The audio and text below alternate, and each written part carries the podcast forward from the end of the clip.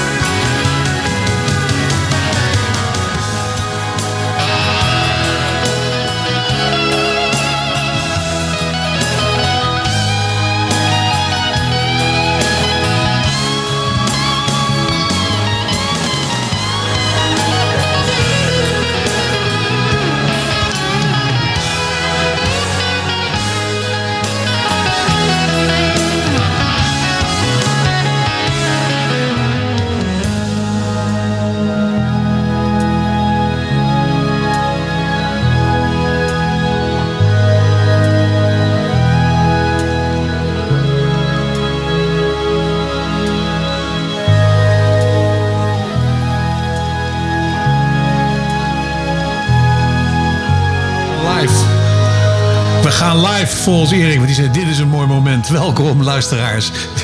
We zitten helaas niet op het terras van eh, de Bijenkorf midden in Laarden. Maar dat maakt niet uit, want onze gast is Pedro Dubislav.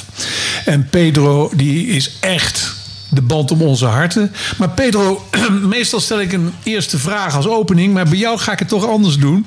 Leg mij eens even uit jouw familienaam Dubislav. Waar komt dat vandaan? Ja. Ehm, En graag de lange versie. heb je even?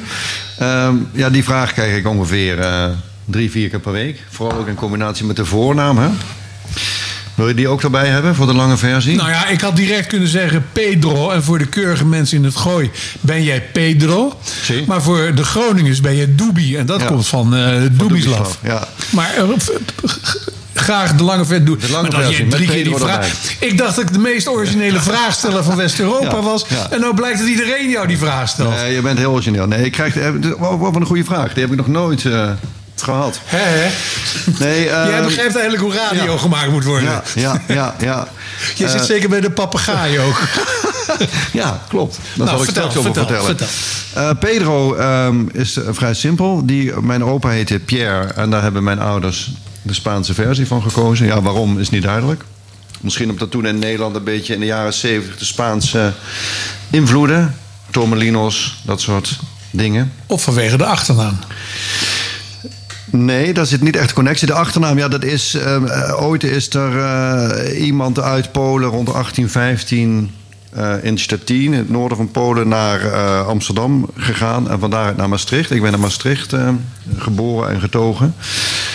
Dus dat is al heel lang geleden, al generaties geleden. Daar komt de naam eh, vandaan. Maar eh, waarschijnlijk komt hij meer eh, nog zuidelijker in Oost-Europa. Maar dat hebben, dat, mijn opa heeft dat ooit eens uitgezocht. Dat was in de, je wilde de lange versie, toch? Ja, graag. Die heeft allerlei Want documenten. 18 zoveel, dat is eh, voor mensen van adel is dat vrij jong. Is dat vrij jong? Ja. Ja, Poolse landadel is dit. Dat, eh, nee, ehm, dus mijn opa die heeft dat eh, uitgezocht. eh, allerlei documenten daar ook over. Maar dat was nog in de tijd van de Koude Oorlog. En toen was heel moeilijk extra informatie te krijgen. Dus die hebben we niet. En dus ik, eh, het is wel nog mijn intentie om dat ooit uit te gaan zoeken. Hoe zit het precies in elkaar? Maar meer dan dit kan ik je niet vertellen. Het is toch een vrij beknopte versie. Dan zeggen wij daarbij, is dit alles? Maar dit was...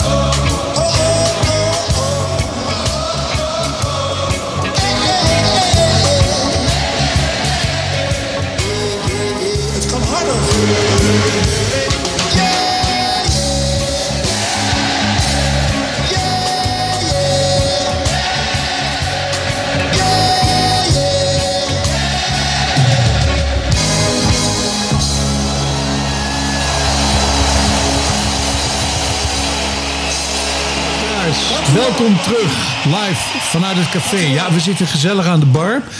Eh, onze gast, Pedro Dubislav. Nou, hij vertelt, uh, dat is een Poolse naam. Dus dat hoeven we ook nooit meer aan hem te vragen. En dan komt natuurlijk Goeie de vraag, hamvraag. originele vraag, ja. Ja, want die wordt jou niet zoveel gesteld, denk ik. nee, nee, bijna nooit. Nee. Nee, weet je dan al wat ik ga vragen? Nu? Ja, wat ik nu ga vragen. Ehm, Dat weet je niet, hè? Nee. Ga eens eh, oreren uit jouw hoofdstuk nummer 1 van jouw geautoriseerde autobiografie. mijn geautoriseerde autobiografie. En je bedoelt van, Nou ja, vertel wat over je jeugd of... Ja, dat is een autobiografie. hè? Dat gaat over jouzelf. Ja, ehm, ja, daar moet ik even over nadenken. Maar ik, ik, ik ben opgegroeid, Nou, ik zei, Ja, kijk. ja, in, ehm in Kadir en Keer. Ken je dat? Dat is een- Jazeker, jazeker. Dat is een dorp eh, Bij Maastricht. bij Maastricht. Ja. Daar heeft eh, mijn jaarclubvriend Jan-Willem Duizings gewoond. Klopt. Ja, Die ken je? ja, ja. Va vaag. Ja, ik weet wie het is. Het is een En heel klein dorp. ook in Groningen. Maar goed, we hebben het niet over Duizings. We hebben het over over Pedro, Over Pedro. Ja. Ehm, ja, dat was 1972.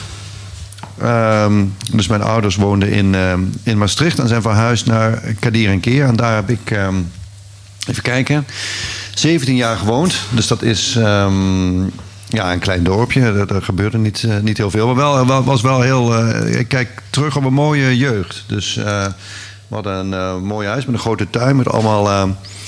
Ja, fruitbomen waar we boomhutten in bouwden. En er was een wei achter het huis waar we vuur eh, maakten en kuilen graafden en kattenkwaad uithaalden. En eh, ja, in Limburgse traditie eh, hadden we natuurlijk carnaval. En wij hadden ook een grote carnavalskist. Dus we renden altijd verkleed eh, als Zorro of Indiaan of cowboy door de tuin.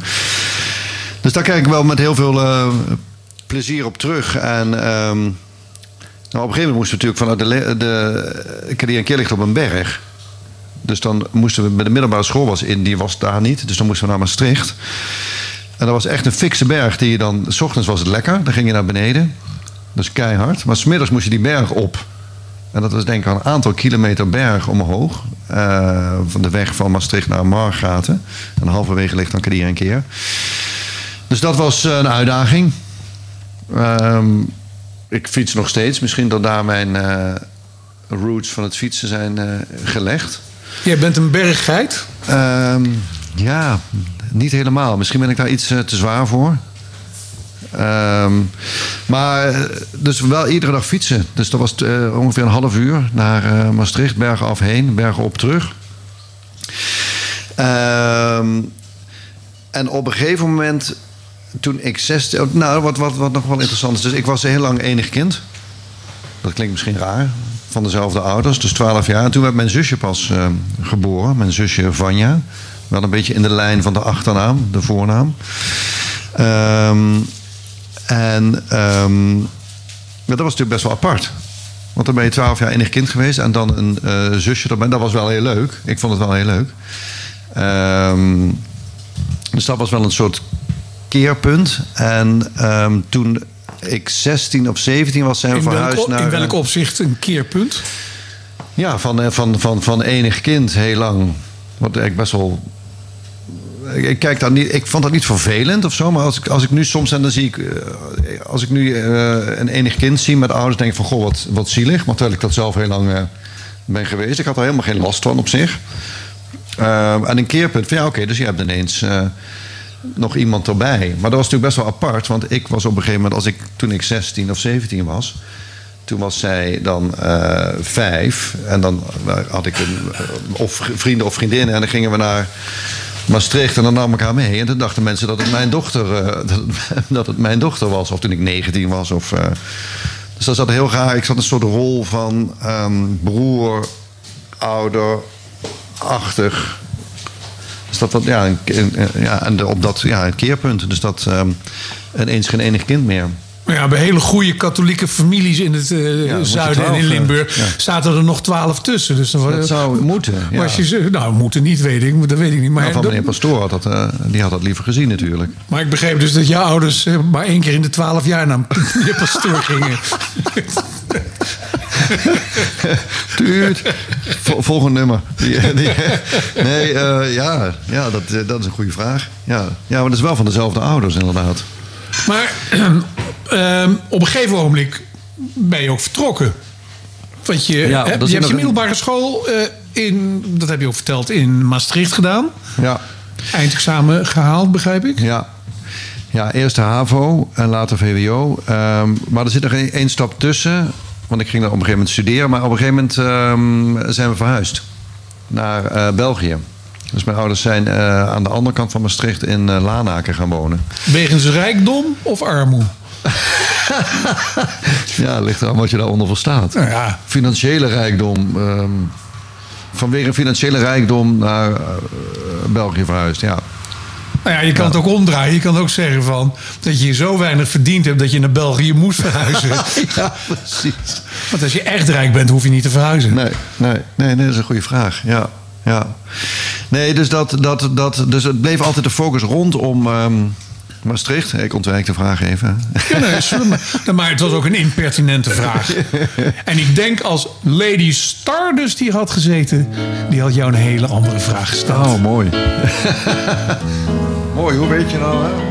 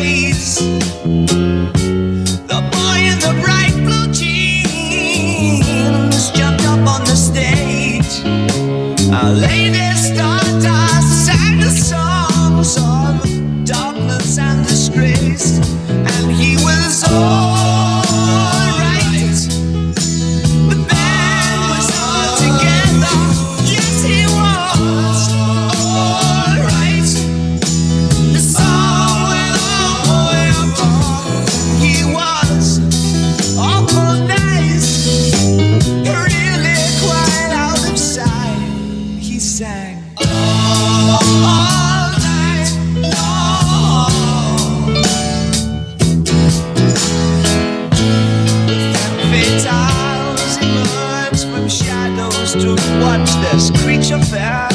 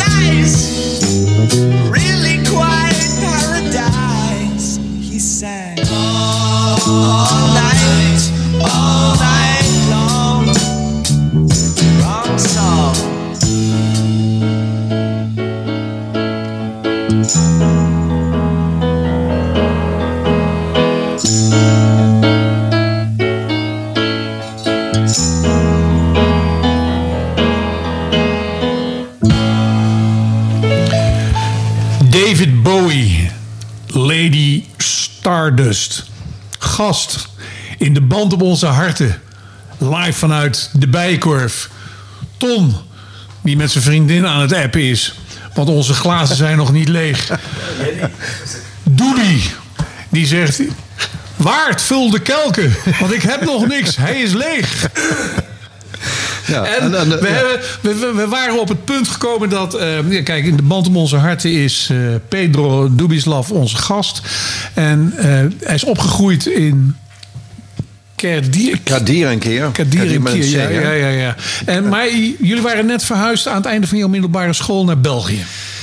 Ja, Heeft klopt. dat invloed gehad op keuzes waar je heen ging? Of wat, eh, heb je in eh, België eindexamen dan gedaan? Nou, vertel verder. Ja, ik vertel verder. Nee, eh, dus de, we wonen nog steeds... Dat is, heel dicht bij Maastricht. Dus ik had inmiddels wel een brommer. De Honda Camino. Ik weet niet of je dat wat zegt. Nee, totaal niet. Ja, jammer. Dan kon ik daar ook over vertellen. Nee, Ja, nee, dat mag je zo meteen. eh, HAVO eindexamen. Dan haken waarschijnlijk wel wat luisteraars af. luisteraars af, ja. Honda Camino. Een Bel Belgische, Belgische vind ik, dat, vind ik, nou- dat vind ik echt niet leuk dat je dat doet. Wat gebeurde er dan? Haalde iemand zijn neus op of eh deed hij... nou goed, Ja. Honda Camino. Ehm, België, ja. De, Mag je in de ehm, volgende uitzending iets over Mag vertellen? ik dat maar vertellen, ja. Dus ik, ehm, ik was geslaagd voor de HAVO en toen eh, VWO ging niet zo goed op dezelfde school. Het Sint Maartens College in Maastricht. Dus toen ben ik eh, naar het Luzak gegaan in eh Roermond.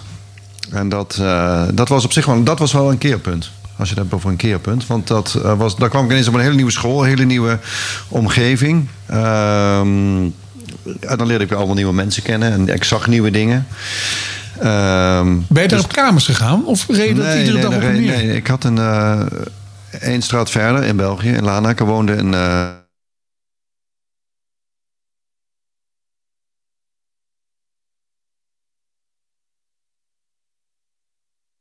Uit de buurt. En ehm, dus we gingen met de auto op en neer. Iedere dag een half uurtje, of drie kwartier. Eh, de- uiteindelijk eh, met de hak over de sloot eh, geslaagd voor het VWO. En toen ben ik, uit, ik ben uitgeloot voor bedrijfskunde. Ik wilde bedrijfskunde gaan doen. Toen ben ik een jaar naar Leuven gegaan, in België. En ehm, daar heb ik ehm, nul studiepunten gehaald. Wil je daar... dus dat, eh, dat was meer feesten dan... eh, dat was echt een superleuk jaar. Dus echt, was, was heel leuk. Eh, En welke faculteit was je ingeschreven? ik was ingeschreven. Ik deed ehm, handelsingenieur. Ah, Ja, klinkt Belgisch. dat klinkt Belgisch. Ja, een soort, technisch bedrijf, een soort technische bedrijfskunde. Ehm, dus een heel leuk jaar gehad. En, maar uiteindelijk werd ik weer ingelood voor bedrijfskunde in Nederland. En eh, toen werd je geplaatst in die tijd. Dus het was of Rotterdam of eh, Groningen. En toen ben ik in Groningen geplaatst. En toevallig kende ik iemand van de Luzak die daar ook eh, zat. Dus dat was wel eh, grappig. En toen ben ik ja, dus daar naartoe gegaan. En dat was heel, wel, ja, was een super, super mooie tijd. Dan gaan we het daar zo over hebben. Maar heb je daar ook de love of your life ontmoet? Ja, indirect. Wel. Ja, daar zal ik zo over vertellen. Goed zo. Ja, Leonie.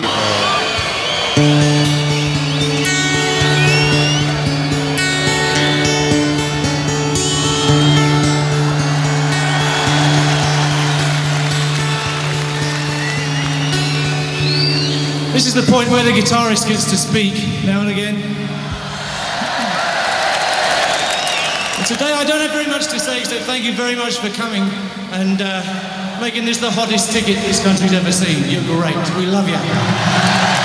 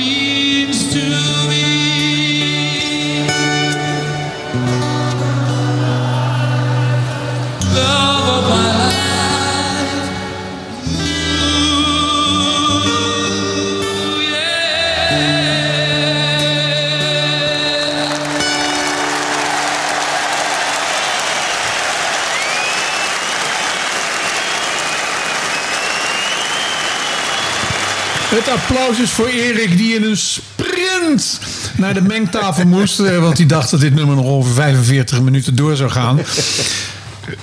Wat heb jij met eh, Queen? Het is een goede keuze. Dit was, eh, waarom heb je deze uitgekozen? Met Queen. Ehm, nou, een aantal. ik heb natuurlijk met alle nummers wat die ik heb uitgekozen. Dus David Bowie uit mijn jeugd, maar Queen ehm, ook.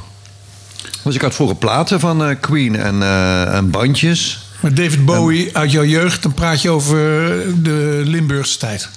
Ja, de Tuiniken die een keer. Ja. Ja, ja nou, later ook nog wel in, eh, in Groningen.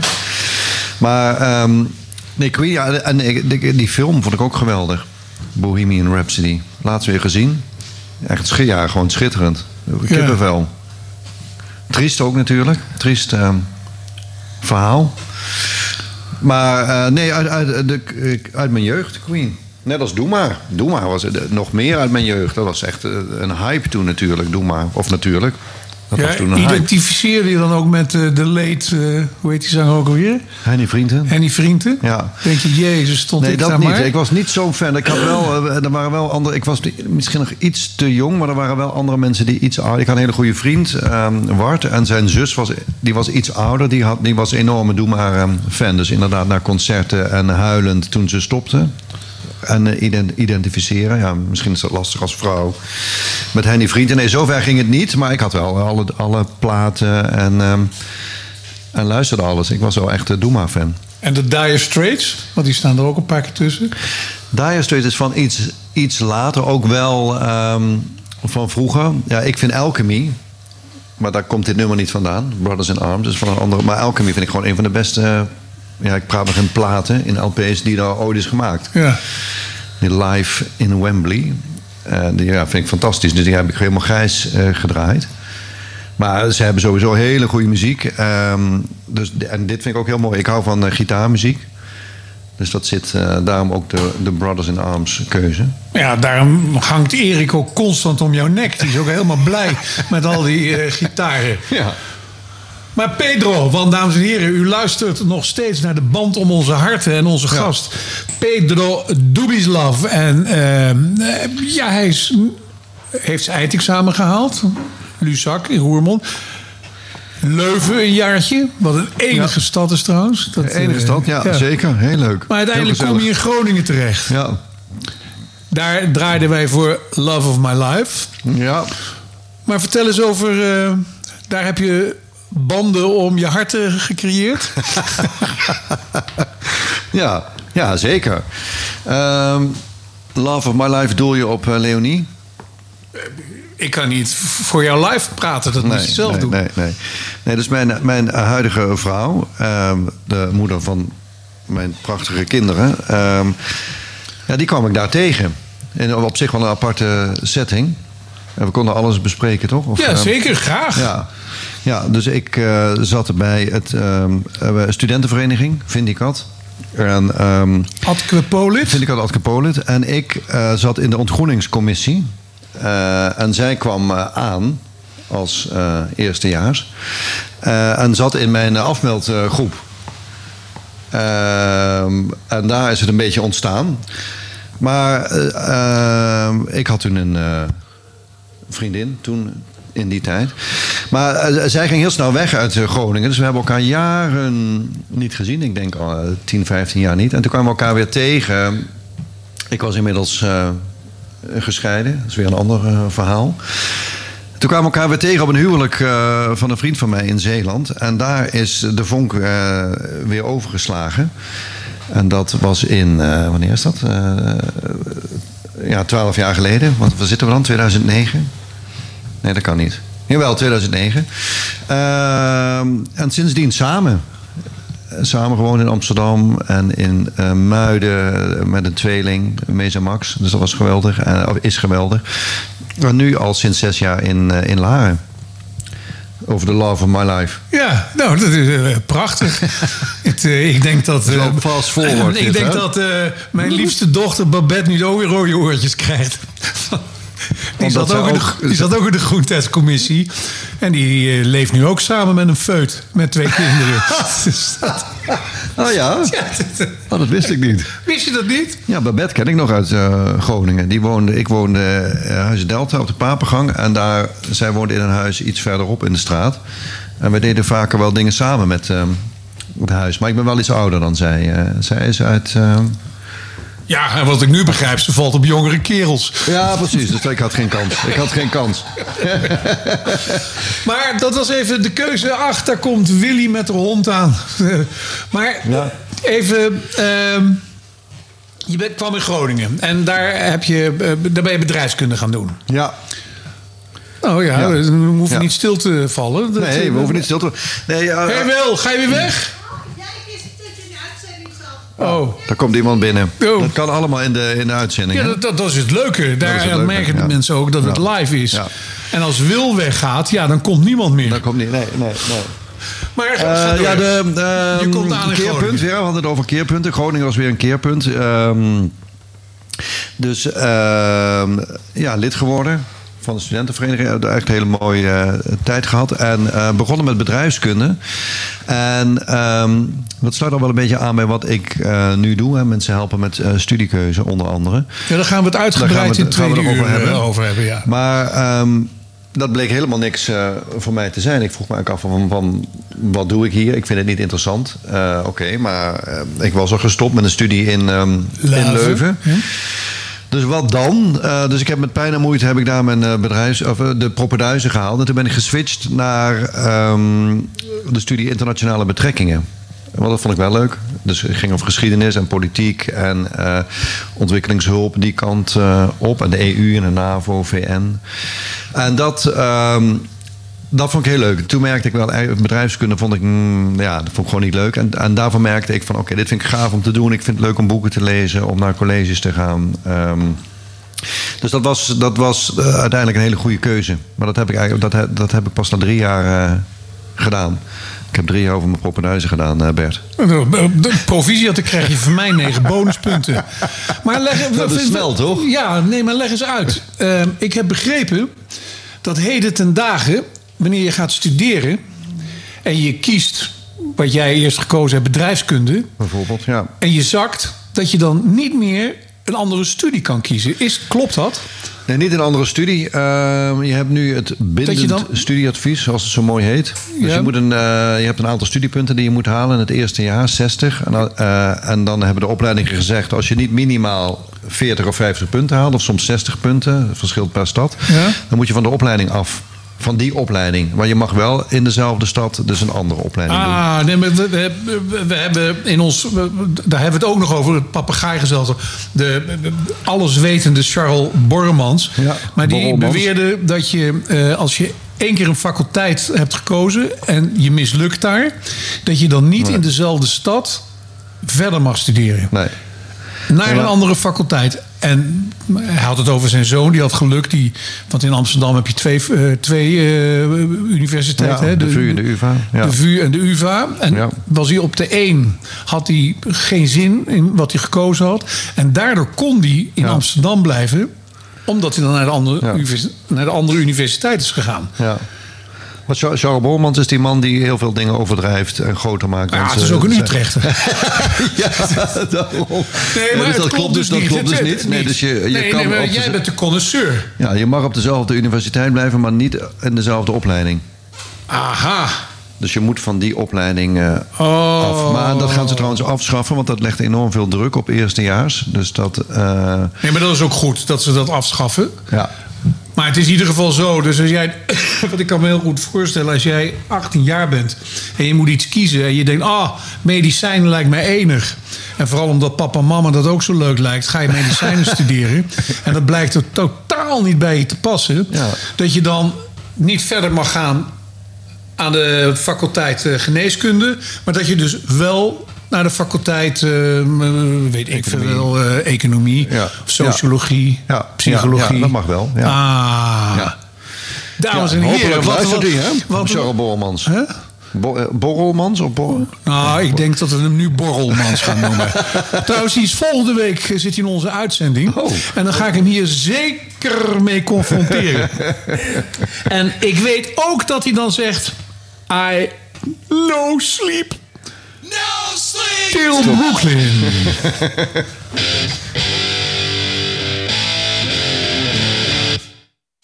Foot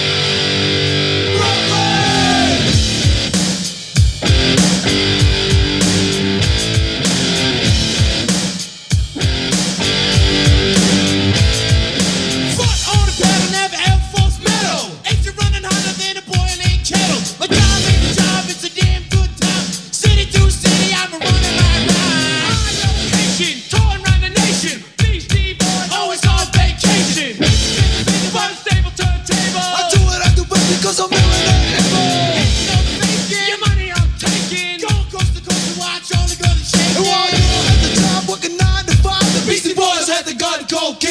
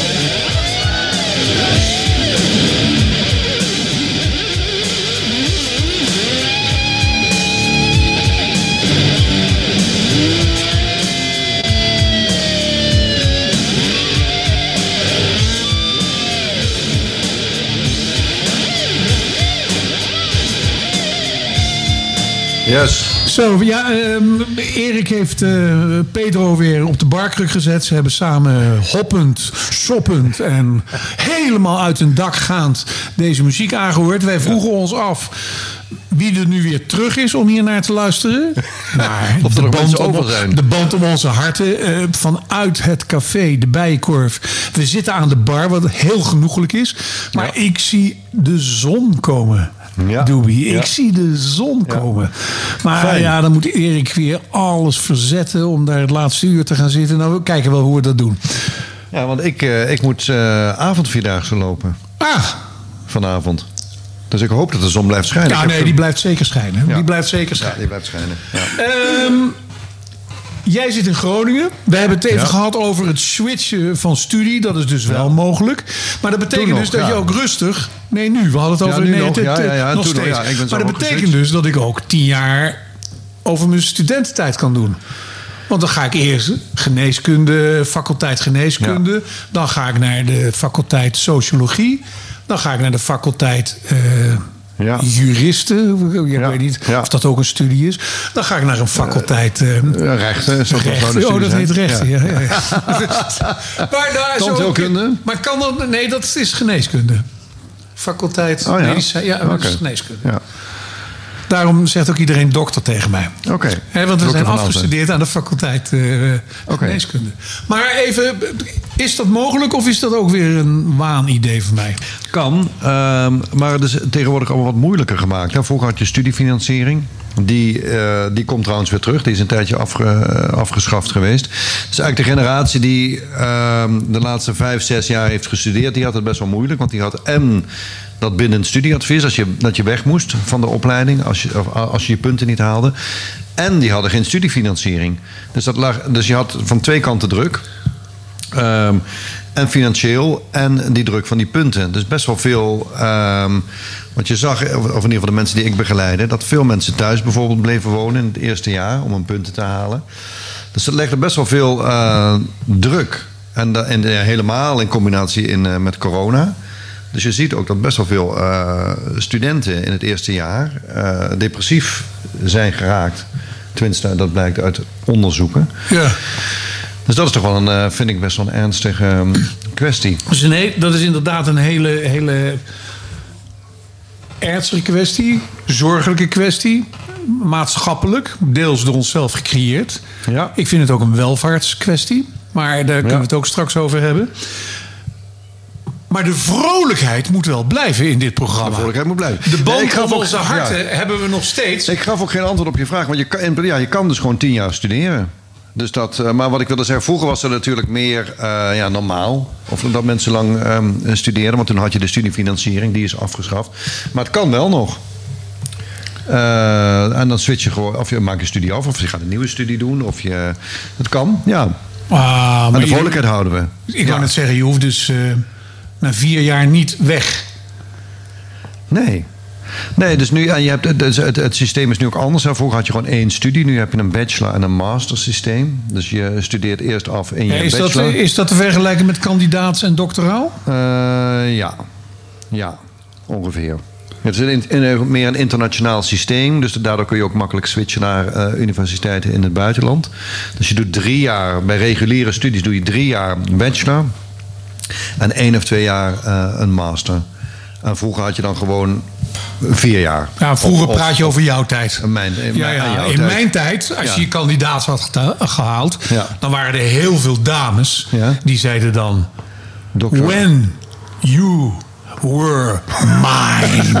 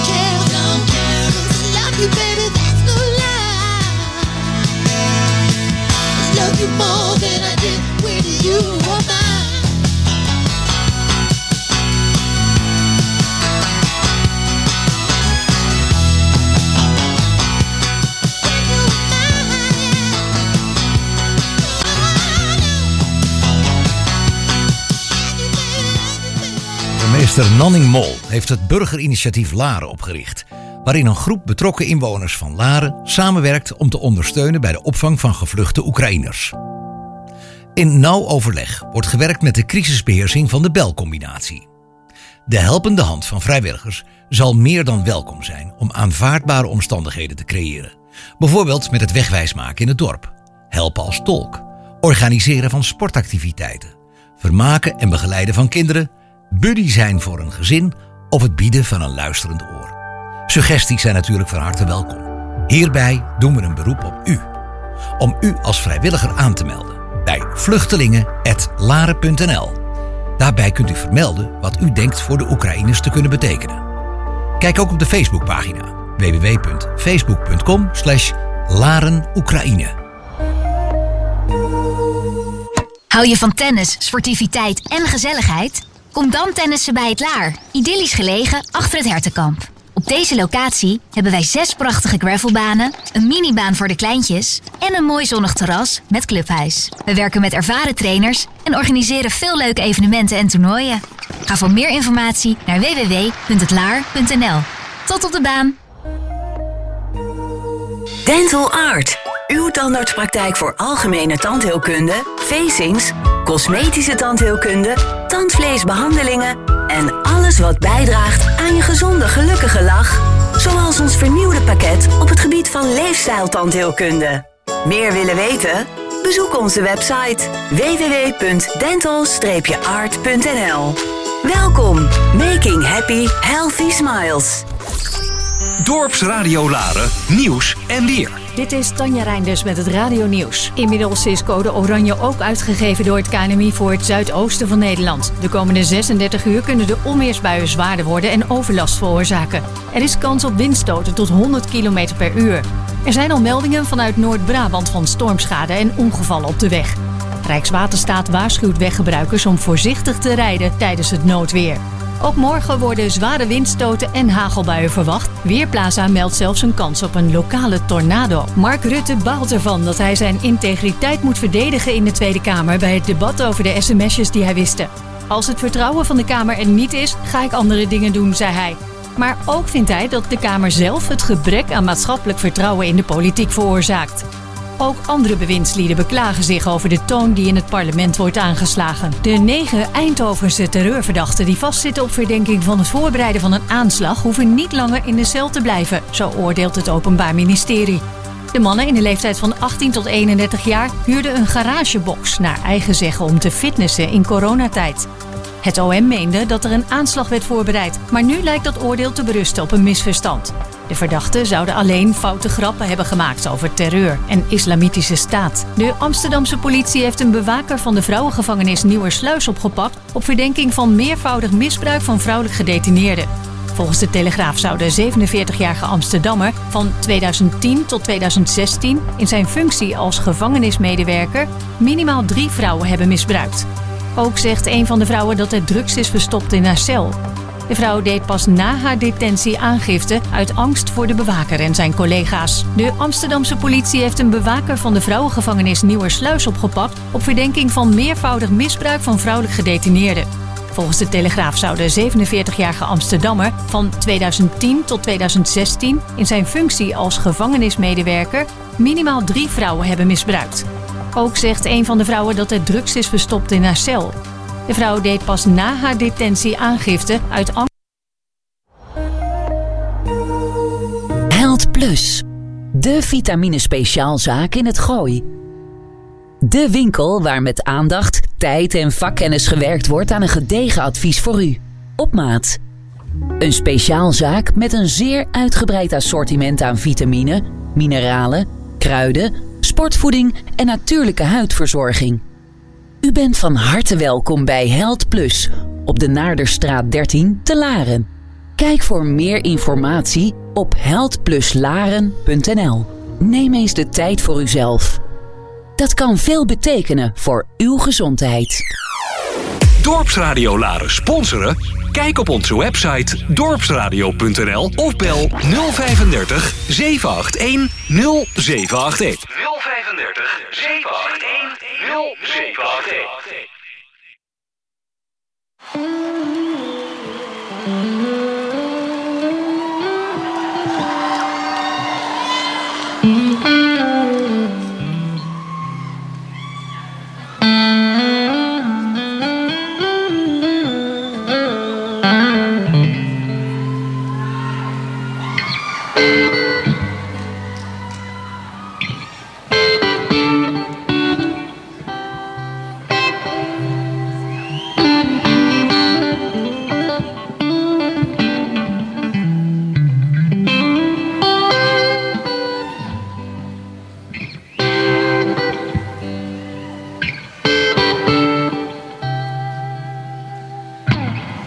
I got dreams,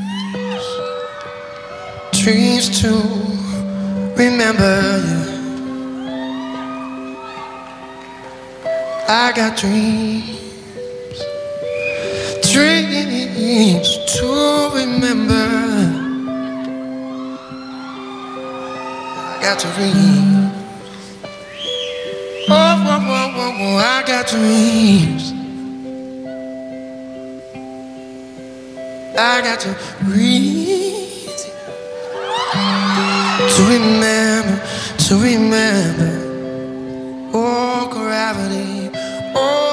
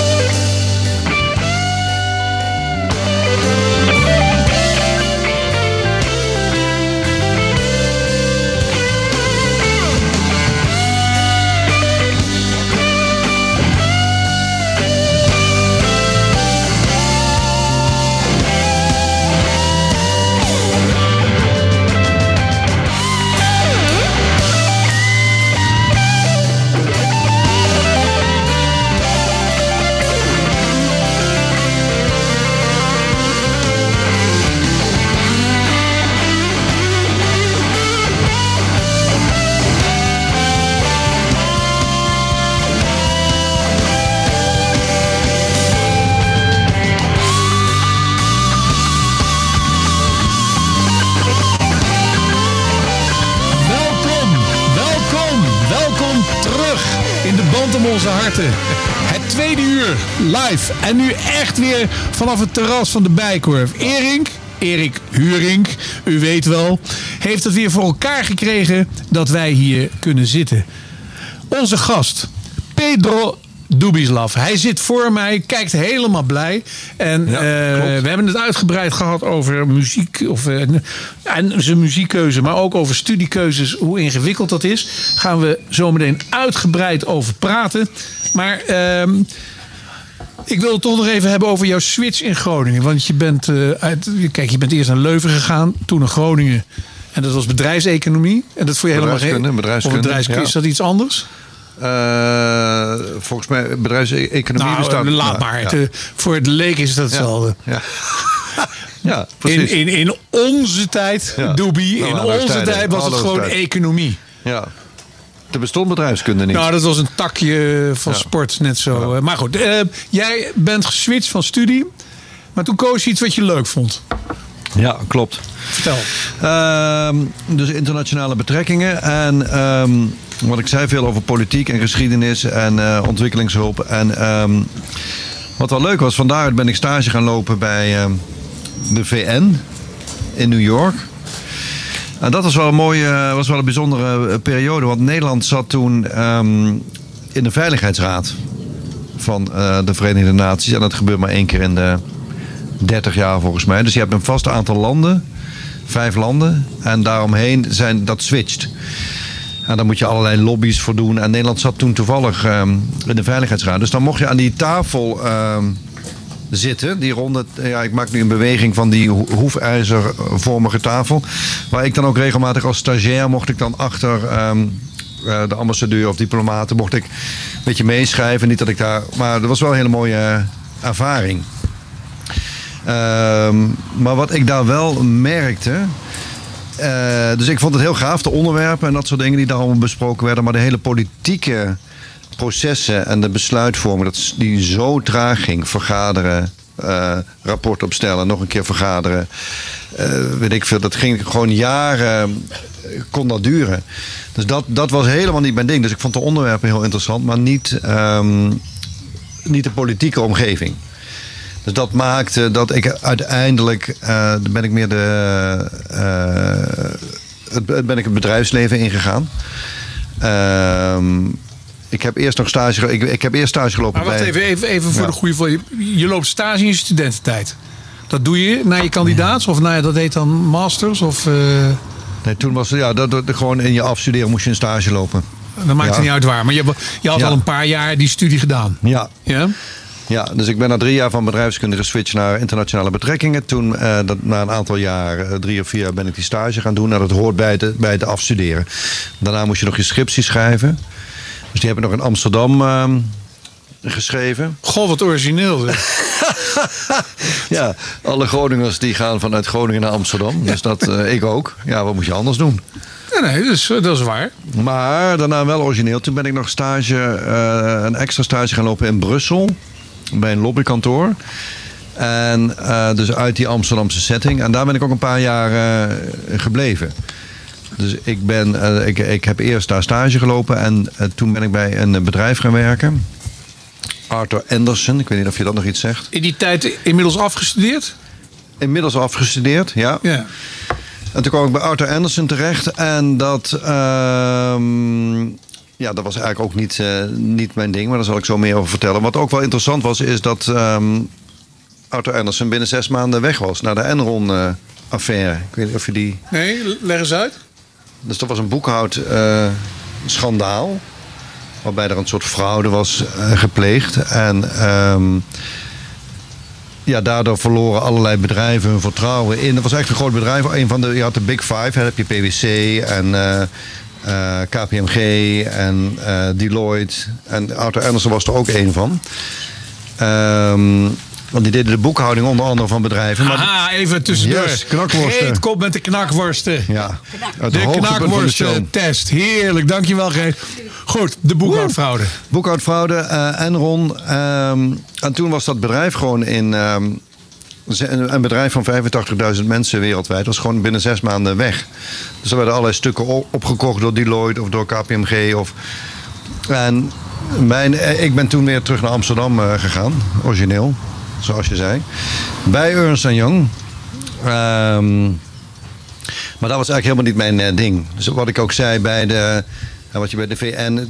Dat was allemaal vrij bureaucratisch. Dat was eigenlijk ook bij zo'n groot boekhoudkantoor. was dat ook wel eh, vrij bureaucratisch of hiërarchisch. Dat was eigenlijk niet mijn ding. En al helemaal niet mijn werk. Ik was ehm, eh, subsidieadviseur. Kun je dat voorstellen? Dus dan. Volgens mij lijkt dat een, eh, een, een gouden baan. Gezien alle subsidies die iedereen kan Ja, krijgen. Precies. Dus, eh, dus je hielp bedrijven bij het eh, aanvragen van subsidies. Dus je gaf ze advies en je schreef de subsidie. Of de aanvraag. Maar dat was voor, voor mij veel te theoretisch. Dus daar ben ik na twee jaar... eh, eh, twee jaar in Brussel en twee jaar in Amsterdam ben ik daarmee ehm, mee gestopt. En ehm, ja, toen eigenlijk een hele grote carrière switch gemaakt. Ehm nou, eigenlijk iets heel, eh, iets heel anders. Dus wat ik nu, wat ik nu doe. Er zat wel nog een soort tussenstop in. Dus ik ben, dus voor mezelf ben ik, ik wilde weer een beetje richting die goede doelen vanuit mijn studie. Dus toen ben ik met een aantal goede doelen, die ben ik toen gaan helpen met, eh, met een subsidieaanvragen, bijvoorbeeld War Child. Ehm, en toen kwam ik op een gegeven moment in aanraking eh, met een eh, project met jongeren in de Belmer, waar ik ehm, ehm, als vrijwilliger werkte. Daar deed ik meer coaching en begeleiding van die jongeren. En daar dacht ik van, hey, dit vind ik heel gaaf om te doen. En daar ben ik uiteindelijk in verder eh, gegaan. Dus ik merkte van dat coachen van die jongeren, dat vind ik super gaaf. Dat gaat me heel makkelijk af. Ehm, en daar ben ik een nieuwe opleiding in gaan volgen. Dus na bedrijfskunde en internationale betrekkingen ben ik meer de coachingskant op gegaan.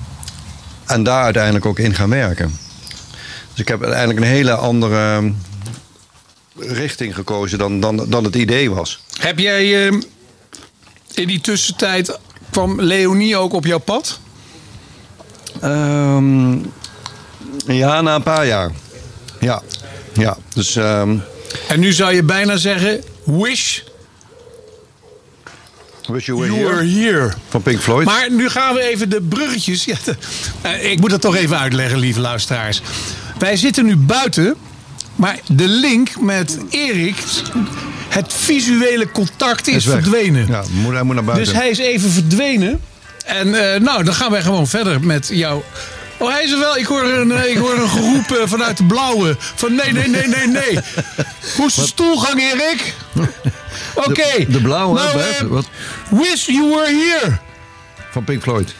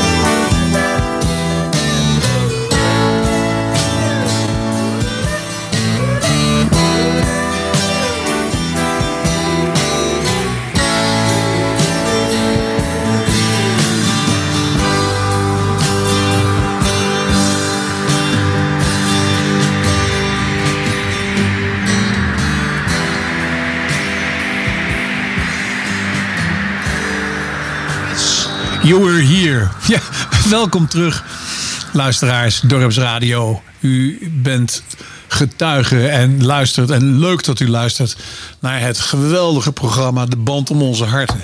En waarom is het een geweldig programma? Niet vanwege de presentator, want die hoort aan, maar vanwege de gasten.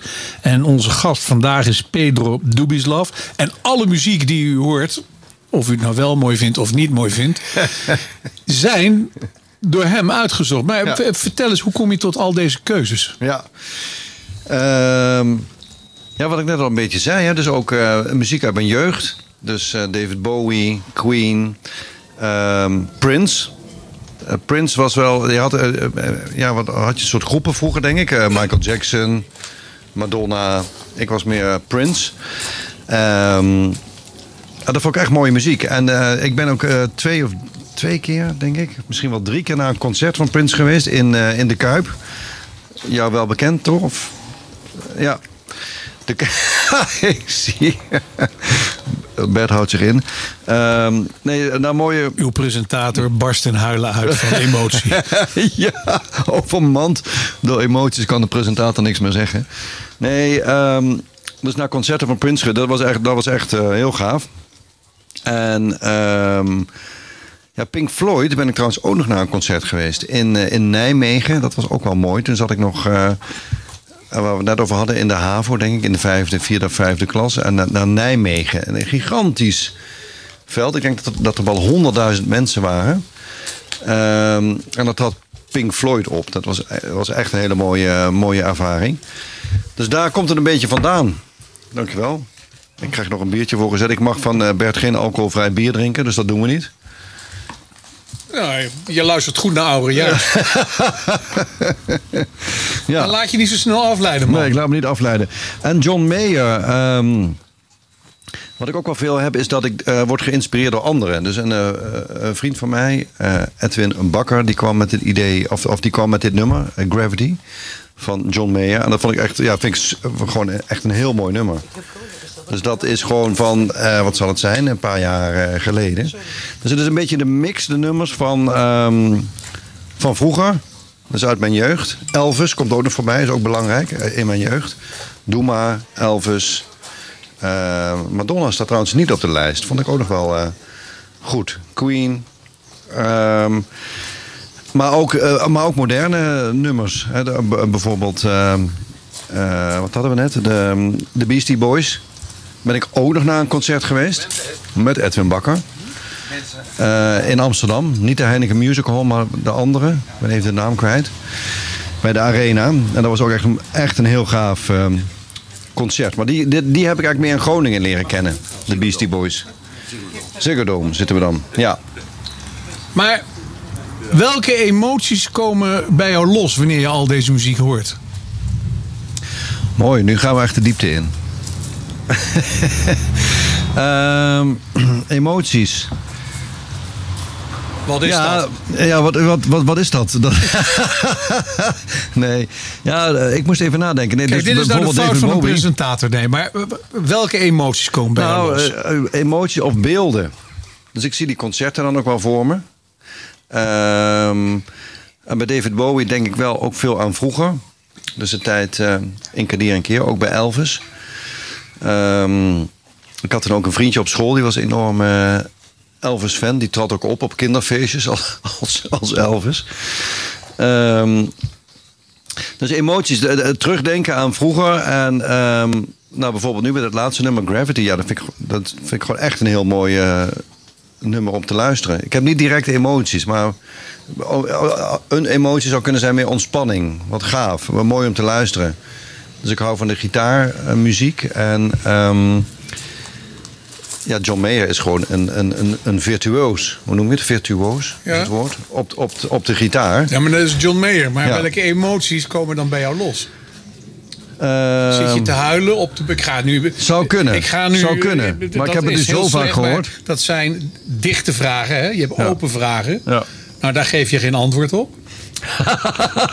dus ik moet vragen... Komen er tranen bij bepaalde nummers? Kan. Kan bij bepaalde nummers. Ja. Welk bijvoorbeeld? Bijvoorbeeld ehm, Love of My Life. Dat vind ik echt een heel mooi. Dat is, wat ik daar super mooi aan vind, is dat het hele stadion meezingt. Dat is ongelooflijk. Dat zingen gewoon 80.000 mensen. Ik weet niet welke versie dit was. Je hebt hem op Wembley en je hebt hem volgens mij ergens in ehm, Argentinië, eh, volgens mij. Dat 80.000 mensen dat nummer eh, meezingen. Was het Live Aid? Live Aid? En heb je dan wel eens Live een Aid, weet ik. eigen onderzoek gedaan waarom je dan die emotie krijgt? Bij de psychiater, of bij de psycholoog nee, bedoel je? Of? Nee, dan is het geen eigen onderzoek. Nou, dat is een goede vraag. Wat raak je dan? Hè? Wat raak je dan in dat. Want Het is een heel, wat ik gewoon heel mooi vind, is eh, ook zeker naar die film eh, Bohemian Rhapsody van Queen. Het verhaal van Freddie Mercury en met eh, die vrouw, wat eigenlijk zijn love of zijn life was, maar hij was dus eh, gay. Wat, wat, wat hij eigenlijk ontkende, dat kon niet in die tijd. Ook niet vanuit zijn eh, familie Ehm, of vanuit de overtuigingen. Ehm, maar het is, het, is een heel mooi, kwetsbaar, klein nummer. En dan, en dan voor de, eh, zijn Love of zijn Live. En dan zingt gewoon dat een, st- een stadion van 80.000 mensen zingt dat lied mee. Ja, dat, ik vind dat wel, dat raakt mij wel. Ja, ik vind dat wel heel eh, mooi. Dus dat, dat is niet zomaar iets wat hij bedenkt. Dus blijkbaar raakt dat een heel groot eh, publiek. Die, die ja, ik vind dat wel, ja, wat raak je dan? Ja, ik kan er wel emotioneel van worden. Zeker nadat ik verplicht alcohol bevattend bier moet drinken van jou. Niet slap lullen, eh, Doobie. Er is niets verplicht. Ehm, nee, maar dat is, dat, dat is heel boeiend. En eh, zeker gezien jouw, eh, waar je het daarvoor over hebt gehad, jouw switch naar begeleiden van jongelui. Ja. Herken jij veel dat er wel of geen emotie zit bij die jongelui? Ja, tuurlijk. Ja, dat is, dat, dat, dat is bij iedereen. Ehm, kijk, het begeleiden van die, van die jongelui, wat, wat, wat, ehm, ja, wat ik zei, ik ben daarin begonnen toen ik eh, meer als vrijwilligerswerk en eh, daarin gegroeid. En het is ook een beetje ontstaan vanuit dat ik zelf eh, werkte in een richting en in een baan die ik helemaal niet ehm, leuk vond. En ik dacht van oké, dus dat is eigenlijk best wel laat al. Dan zit je al in de baan. Dus waarom ga je niet mensen helpen? En ik had zelf eigenlijk ook de verkeerde studie gekozen, bedrijfskunde. Waarom ga je niet al mensen helpen voordat ze gaan werken? Dus al, eh, want ik zie ook bij allerlei mensen die in een burn-out zitten of niet in het juiste werk, die niet, ja, gewoon niet gelukkig zijn. Als je het hebt over emoties. Eh, en die moeten dan met heel veel moeite moeten ze gaan switchen. Van wat dan nu? En dan moet je een traject bij mij lopen of bij, nou, bij een psycholoog of wat dan ook. Dus waarom niet al eerder mensen helpen daarmee? Dat is eigenlijk mijn, eh, mijn drive. Om, Maar om, eh, zie je en- parallellen bij jezelf? ja, ja, ja, dus dat ik zelf ook verkeerd had gekozen. Dus dat ik er eigenlijk door, eh, door allerlei verkeerde keuzes uiteindelijk met veel pijn en moeite zou je kunnen zeggen op, bij de juiste baan terecht ben gekomen. Maar ik, ik wens het mensen toe dat ze met veel gemak wel de juiste richting kiezen, al vanaf jongs af aan. En kwam je daar vooral mm, achter You Shoot Me All Night Long? Prachtig. Mooi.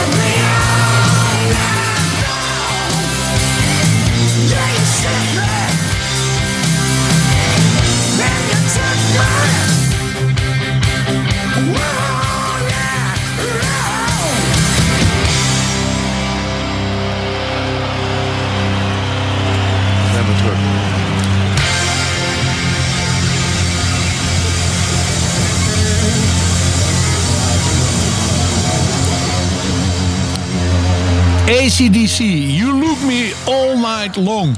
Muziekkeuzes. Allemaal door onze gast, Pedro Dubislav. De band om onze harten. We zitten weer heerlijk in het zonnetje. Het is wat ingewikkeld, want Erik heeft dit toch wel voor elkaar gekregen. Want we zijn de stromende regen begonnen aan de bar. Overigens ook geen straf. En ehm, Pedro is nu aan het vertellen over eh, zijn coaching voor jonge mensen. Die, eh, nou leg het zelf maar uit, want ik vind het al een eer dat jij jouw website genoemd hebt naar onze kleinzoon, de jongste van Babette en Dirk. Kik, et cetera. en het CK. Ja, weer een mooi, mooi ezelsbruggetje, Bert. Eh, ja, van Kickstart Coaching bedoel je. Ja. Nee, ehm, ja, wat ik vertelde. Dus, dus ik, ik ben hiermee begonnen omdat ik dus zelf een aantal verkeerde, verkeerde keuzes heb gemaakt. En van veel mensen om me heen zie, die ik nu dan begeleid, van, ehm, die in een burn-out terechtkomen. Op latere leeftijd in een baan. Is het natuurlijk mooi om mensen al als ze jong zijn, eh, 15, 16, te helpen met de juiste studiekeuze. En daar komt dan ook vaak de juiste, eh, het juiste beroep uit voort. Tenminste, dat is de in, eh, insteek. Ehm, dus het, ja, er zit wel een soort missie in. Voor Maar mij. ik, maar, ik- ja, ik ga mag je af en toe even onderbreken, Ja, want ik vind dat toch graag. wel interessant. Jij zegt verkeerde keuzes. Ehm, als je een keuze maakt die niet uitpakt zoals je wilt, dat kan je dan verkeerd noemen. Maar het kan ook een leercurve zijn. Ja. Ja, natuurlijk. Ja, dus je leert ervan, oké, dus dat past niet bij mij. Ja, dus in mijn geval, ik koos eerst eh, bedrijfskunde. was trouwens best wel nog wel een, eh, ja, een interessante drijfveer die ik daarbij had. Dus ik, ik wilde eigenlijk bijvoorbeeld heel snel rijk worden. Dat was mijn idee. Maar ja, waarmee dan? Dus ik ging eh, bedrijfskunde doen, waarvan ik merkte van... Ja, dat past helemaal niet bij mij. Ik vind het helemaal niet interessant om dit eh, te leren. Ja, is het dan een verkeerde keuze? Nee, dus dat is een leer... Wat noem je het? Een leercurve? Een leerkeuze. Keuze, ja, ja. Ehm, Je kan het ook heel eenvoudig collegegeld noemen. College. Nee, en waarvan je wel zegt van oké, dus dit dus eh, niet. Maar wat dan wel? Dus dan moet je wel een bewuste keuze. Ik had ook kunnen stoppen met eh, studeren en gaan werken. Ik weet het niet precies. Mijn vader had een, eh, een bedrijf. Dus daar had ik ook nog kunnen gaan werken. Dat is nog wel interessant. Een bedrijf in, in onderwaterpompen. Zeg je dat iets? Fonteinen. Alles wat met water te maken had. Riolering, waterleidingen, zuiveringsinstallaties. Uiteindelijk een goede vriend van onze koning geworden.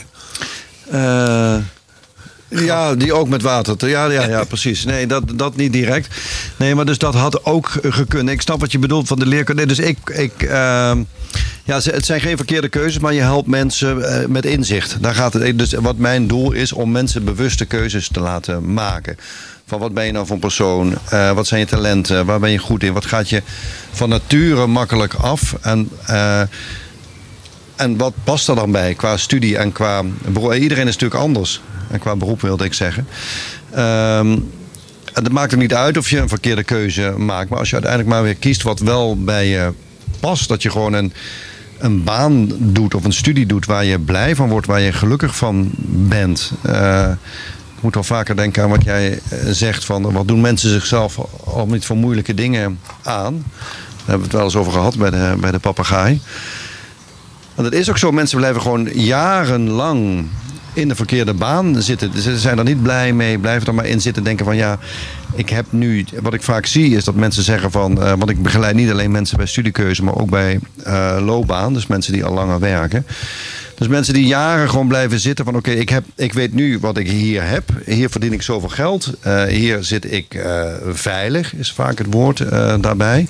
En als ik nu ga switchen naar iets wat ik wel leuk vind, ja, wat dan? Misschien vind ik wel niet de juiste baan. Word ik ontslagen? Verdien ik daar ook wel zoveel geld? Dus je ziet dat mensen uit angst of uit twijfel heel lang blijven zitten in iets ja, wat ze gewoon niet willen. En dat, daar wil ik ze bij helpen. Bij, maak nou een bewuste keuze. Iets waar je blij van wordt. Het is toch zonde als je je leven een baan doet ja, waar de knakworsten komen weer voorbij.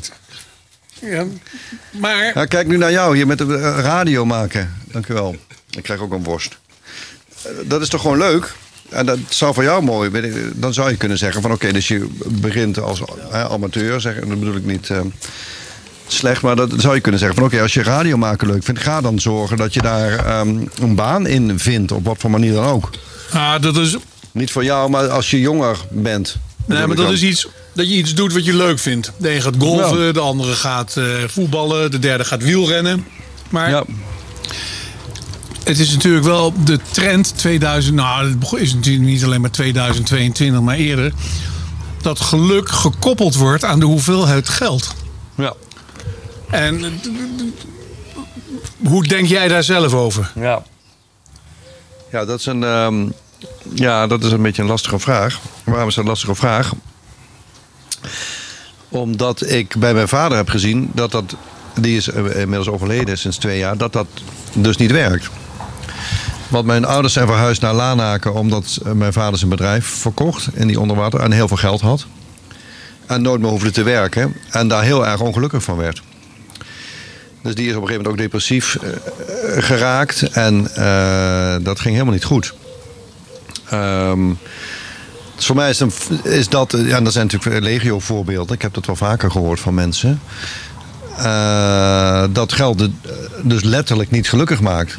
Van, ik, ik weet niet, of zorgen dat je hebt van... eh, aan de andere kant geeft het natuurlijk heel veel mogelijkheden. Ik denk niet dat je het zo simpel kan zeggen van geld maakt gelukkig of niet. Het ligt meer aan, aan je als persoon. Nee, maar als drijfveer. Ja, als drijver werkt het wer- of, eh, ja, eh, vaak niet. Het niet is als natuurlijk- drijver, want, want ja, wat dan? Als je al het geld hebt, wat dan? Nou, laat ik dan. eh, het is natuurlijk heel breed. eh, ik vind dat ouders een brede visie hebben. die bij jou kinderen eh, brengen. om te laten onderzoeken wat ze nou echt leuk vinden. Want ik heb eens iemand uit het onderwijs gesproken, ook trouwens in dit programma. En ik zei, wat is. eh, Die, hij, nou, hij zegt. Het onderwijs is het leukste wat er is. Alleen het gaat volledig naar de klote. Ik zei, waarom dan? Omdat de ouders zijn de grootste problemen op scholen. Ja. Als jij je kind vroeger naar school bracht... en dan word ik een beetje ziek van het woord vroeger... maar dan had je de leraar of onderwijzer of onderwijzeres... en die zei zo is het en zo gaat het. Ja. Maar nu komen er 30 ouders en die allemaal 30 eh, meningen hebben... en die primair hun eigen kind zijn en je moet het zo doen. Dus ze bemoeien zich overal mee. Dus er is geen lijn te trekken. Bespeur jij dat ook? Ehm, ja, ik weet niet of dat iets van, deze, van, van alleen van deze tijd is. Ja, je wordt natuurlijk gewoon beïnvloed door je ouders. En die bemoeien zich inderdaad met dingen. Dus wat lastig is eh, in mijn beroep... is van, ehm, wordt iemand nou gestuurd... Als je naar studiekeuze kijkt, wordt iemand gestuurd door zijn ouders... Ik heb ook wel eens. En, en, en willen de ouders dat er een bepaalde keuze wordt afgedwongen? Ik heb wel eens meegemaakt dat iemand zei: Ik wil dat je hem begeleidt naar economie. Toen heb ik nog net niet tuut, tuut, de, telefoon opgehaald. Maar heb ik gezegd, dat ga ik niet doen. En toen tuut, tuut, tuut. De telefoon, eh, dat doe ik niet. Dus het gaat... eh, dus er is invloed van ouders, zeker. En dat heeft iedereen. Ja, dat heb ik misschien ook wel. Bepaalde opvattingen die je meekrijgt vanuit, vanuit je ouders, die hebben invloed. Ehm, ik probeer dat zoveel mogelijk buiten de deur eh, wel te houden. Dat het een keuze is echt van iemand zelf. En niet van wat dat de ouders willen dat die dokter wordt, omdat zij dat ook waren. Of ik noem even dokter, is een beetje standaard. Maar dat kan natuurlijk van alles. ehm, Maar dat is toch op zich vreselijk? Dat is vreselijk. Ja, dus daarom heb ik toen ook. Dus, dus toen ik door een vader werd gebeld, die zei: Ik wil dat je hem naar de studie economie leidt. Maar eh, de uitkomst maakt verder niet uit. Toen, dat, dat, dat doe ik dus niet. Ehm, ik weet niet of dat een antwoord is op, eh op Nou, jouw nee, of je, vraag. of je ze tegenkomt. Het- het- wat, ik, wat ik zei eh, is dat ik vind dat die ouders toch een, een, een, een brede visie hebben. Dat ze een onafhankelijke laten kijken van wat vindt mijn kind nou echt leuk. Ja. Want natuurlijk, iedere ouder, het is ook geen aanklacht tegen de ouders, maar iedere ouder wil het beste voor zijn kind. Ja. Alleen het empathisch vermogen, zelfs van ouders, is heel, heel matig. Ja. Zelfs van, af van heel veel ouders. Oh, nee, ja, ik misschien zelf ook. Ja, dat is natuurlijk heel lastig, want je bent natuurlijk, je wil het beste voor je kind. En dan heb je natuurlijk bepaalde opvattingen bij, ook vanuit je eigen eh, opvoeding. Dus je kijkt met een, eh ja, noem het een getroebelde, een, eh, is het getroebeld, vertroebeld, met een troebele Ja, bril. Tenminste, dat denk je. Het hoeft niet vertroebeld te zijn. Nee, als, maar nou dus een kind, is- als nou een kind ehm, graag met zijn handen werkt. Ja. En die het leren, die kan niet eens drie eh, regels onthouden. Of hij kan het niet eens lezen. En dan zou het beste zijn om gewoon, ja, dat heette dan vroeger ambachtschool, nu heet dat MBO of zo. Weet ik MBO, ja, ja. Nou, wat is daar nou mis mee? Ik Nee, niks, helemaal niks. Nee. Nee. Alleen, qua status Ja. is... Als de ouders dan op een borrel komen, wat doet jouw zoon of jouw dochter? Ja, die zit op de MBO. Ja. Dan zullen andere ouders niet zeggen: Jeetje, wat goed. Want er is een enorm tekort aan goede, aan goede arbeidskrachten. die een, een, een riool kunnen maken, die een loodgieter, die een kas kunnen timmeren. Ja. Ja, mijn zoon, Ja. die is lid van. Ja, nee, dat, dat, ja, dus dat, dat, dat klopt. Of, of, of dat klopt, eh, dat is natuurlijk een beetje in onze ogen misschien. Dat, is, ja, dat ligt natuurlijk aan wie het. eh, Nou ja, ik snap ik- wat je bedoelt. Jij staat er middenin, want het is jouw vak. Ja, het ligt natuurlijk een beetje. eh, Ik snap, ik snap wat je bedoelt. Dus, dus een beetje waar wij in de wereld waar wij in zitten, is het inderdaad van: oké, dus iedereen gaat studeren. In principe gewoon universiteit. Dat is een beetje de verwachting. Ja, dat, En dan- wat jij nu zegt, in principe universiteit. Ja, maar dat is natuurlijk helemaal niet zo. En dat, en En ik vind en- het prima dat je zegt, iemand gaat studeren en dat is aan de universiteit. En als je naar de mbo gaat, dan ga je niet studeren. Dan ga je gewoon naar school. Ja, maar dat, dat, maar dat mag je ook niet meer zeggen, want iedereen studeert. Ja, precies. Maar dat, dat, dus wat ik zeg, dat, dat is natuurlijk niet zo. Maar dat is natuurlijk de beleving van de mensen aan wie je het vertelt. Dus, bij, dus ik heb ook wel eens meegemaakt dat mensen zeiden van... oh, je hebt MBO gedaan. Oh, meneer de professor. Dus die vonden dat, die vonden dat al heel eh, hoog. Dus ja, dat is een goede vraag. Maar weet je hoe dat gaat in Wenen? Ja? Vienna bedoel jij? Nou, wat is Vienna? Wenen. Billy Joel weet het heel goed. Potverdorie.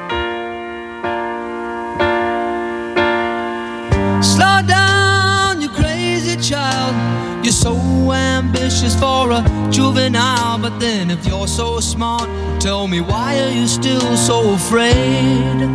Mm. Where's the fire? What's the hurry about? You better cool it off before you burn it out. You got so much to do and only so many hours in a day. Hey,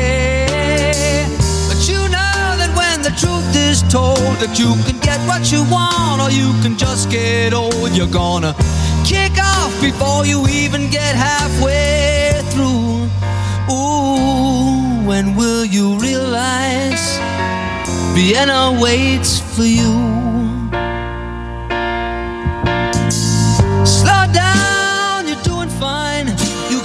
Everything you wanna be before your time. Although it's so romantic on the borderline tonight. Tonight. Too bad, but it's the life you lead. You're so ahead of yourself that you forgot what you need. Though you could see when you're wrong, you know you can't always see when you're right. You're right. You got your passion, you got your pride. Know that only fools are satisfied? Dream on, but don't imagine they'll all come true. Ooh, when will you realize Vienna waits for you?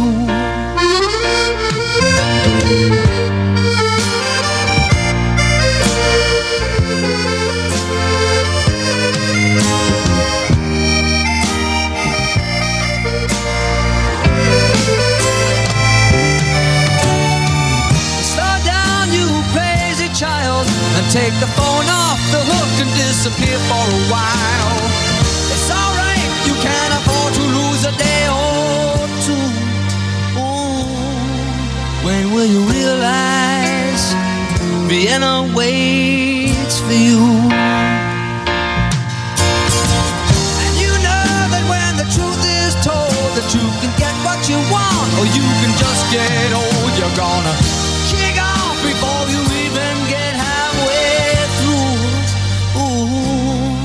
why don't you realize Vienna waits for you? When will you realize Vienna waits voor zichzelf. Leg maar uit. Ja.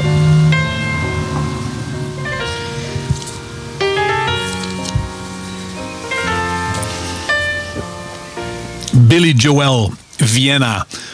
U bent terug. Ja, we zitten alweer bijna aan, eh, aan het einde van het geweldige. Ja, ja wat is het nou? Het de- Waar we zitten, waar we zitten. Ton zitten, Anjo zitten. De toekomstige collega die gaat eh Oh, Klaag doen. Nou, dan eh denk eraan dat dat Oh, een gevuld programma wordt. Oh, ja. Maar het belangrijkste is in dit programma de band op onze harten. Met echt de band op onze harten. Pedro Dubislav. Ik wil, Pedro, ehm, je allereerst ongelooflijk bedanken dat je dit hebt gedaan. Ja, graag we zijn nog lang Heel niet leuk. klaar, dus eh, we kunnen nog, we kunnen nog eh, uren vullen. door. Maar ik zit hier iedere donderdag, dus je krijgt nog weer een kans. Want ik weet Oh, zeker. Ja. als je even nacht wakker wordt, dat je dan denkt: Oh, daar had ik het nog over moeten hebben. Oh, daar had ik het nog over moeten hebben. Maar. denk ik nu al, hè? Ja, dat is. Jij begon erover, ik eh, zing op zangles. Nou, dat is je ook geraden ook. Want ik heb jou ergens daar ook rond zien lopen bij de papegaai. Dat doe je er ook nog bij. Ja, samen met jou, onder andere. Nee, de papegaai is fantastisch. Ja, een gezelschap in, eh, toneelgezelschap in Laren. Dus binnenkort staan we weer eh, in het zingen. 1, 2, 3 eh, juni met de Lustrum voorstelling. Ja, en dat is fantastisch. Als je het nou hebt over dingen waar je energie van krijgt... of waar, waar je blij van wordt... Of dan, dan vind ik dat een goed voorbeeld. Dat is dan voor mij... ehm, hoe noem je het? Ehm, Een uitlaatklep. een uitlaatklep of eh, hobbymatig. Maar dat vind ik zo leuk eh, om te doen. Volgens mij jij ook. komen allemaal beroemde Nederlanders langs. De heer Van Hemer, de heer Ah, Guus de heer- Bouwman. heer Van maar Hemer. laat, laat je niet afleiden. laat je niet Ja, afleiden. dat, is, dat is lastig nu natuurlijk. Nee, de- hij krijgt geen, hij krijgt geen, hij krijgt geen cent. Krijgt hij geen zendtijd? Nee. Oh, jammer. Hij krijgt hoogst een biertje. Ja, ja, ja Maar ook mooi. ga- ga de papegaai. Ja. Geweldig. Ehm, mij niet altijd in de reden. Ja, en de zangles. De zangles, eh, daar zing ik dit nummer, Vienna. Wat, wat, wat, ik wel, wat ik wel mooi vind van dit nummer is... Net had je het over dat, eh, de druk van ouders... die eventueel eh, op kinderen rust van... oké, je moet dit en dit zou je moeten kiezen. Maar dit gaat meer over ehm, de druk die mensen op zichzelf leggen. En verwachtingen die mensen van zichzelf hebben van... ik moet dit en dit en dit bereiken, want dan ben ik succesvol. Hè? Wat je net zei over... als je veel geld hebt, ben je succesvol. Terwijl misschien andere mensen denken van... nee, als ik gelukkig ben, dan ben ik succesvol. Of, eh, maar daar gaat dit nummer over. Van Billy, dus daarom heb ik dit nummer ook gekozen. Ik vind het een mooi... eh, als je het hebt over wat raakt je, emotioneel... eh, raakt, dit nummer raakt mij. Maar, dan, maar toch, mensen die dat denken, die aanname van ik moet succesvol zijn en dat Ja. en dat en dat. Dat komt ook weer ergens vandaan. Ja, waarschijnlijk van je ouders. Nou ja, ik- of van de omgeving waar je in zit. Of natuurlijk ja, waarin je bent opgegroeid. Ja, dus dat, dat, dat is een hele goede vraag. Dus dat is natuurlijk best wel lastig. Eh, ik zie je naar de tijd kijken, Bert. Nou ja, we moeten beëindigen. Ik- Maar ik wil nog één ding. Dat je kort samenvat Hallo, hallo. over jouw business. Kick, eh, Kickstart. Kickstart. Eh, mensen helpen om bewuste keuzes te maken in hun leven. Waar ze blij en gelukkig eh, van worden. En voornamelijk op loopbaangebied. Nou, dat is natuurlijk meer. En dat is niet, zeg maar, leeftijd gerelateerd. Nee, dus dat zit tussen de 15 en de. Ik had laatst iemand van 63, die heb ik nog naar een baan begeleid. Eh 15 tot 22 is vaak studiekeuze en vanaf daar gaat het over loopbaancoaching.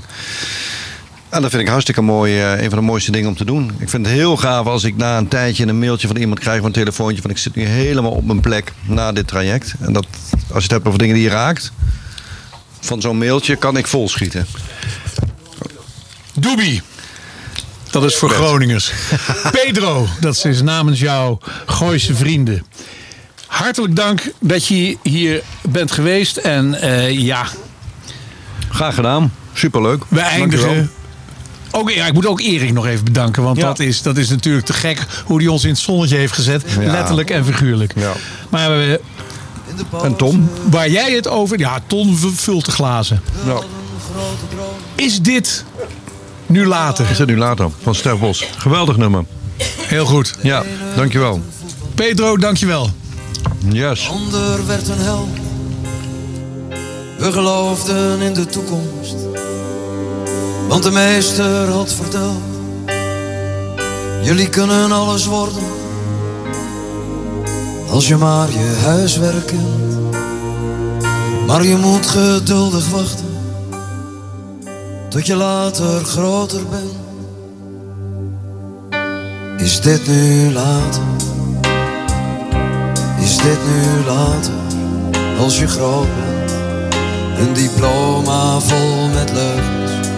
Waarop staat dat je volwassen bent. Is dit nu later? Is dit nu later? Als je groot bent. Ik snap geen donder van het leven. Ik weet nog steeds niet wie ik ben. Is dit nu later?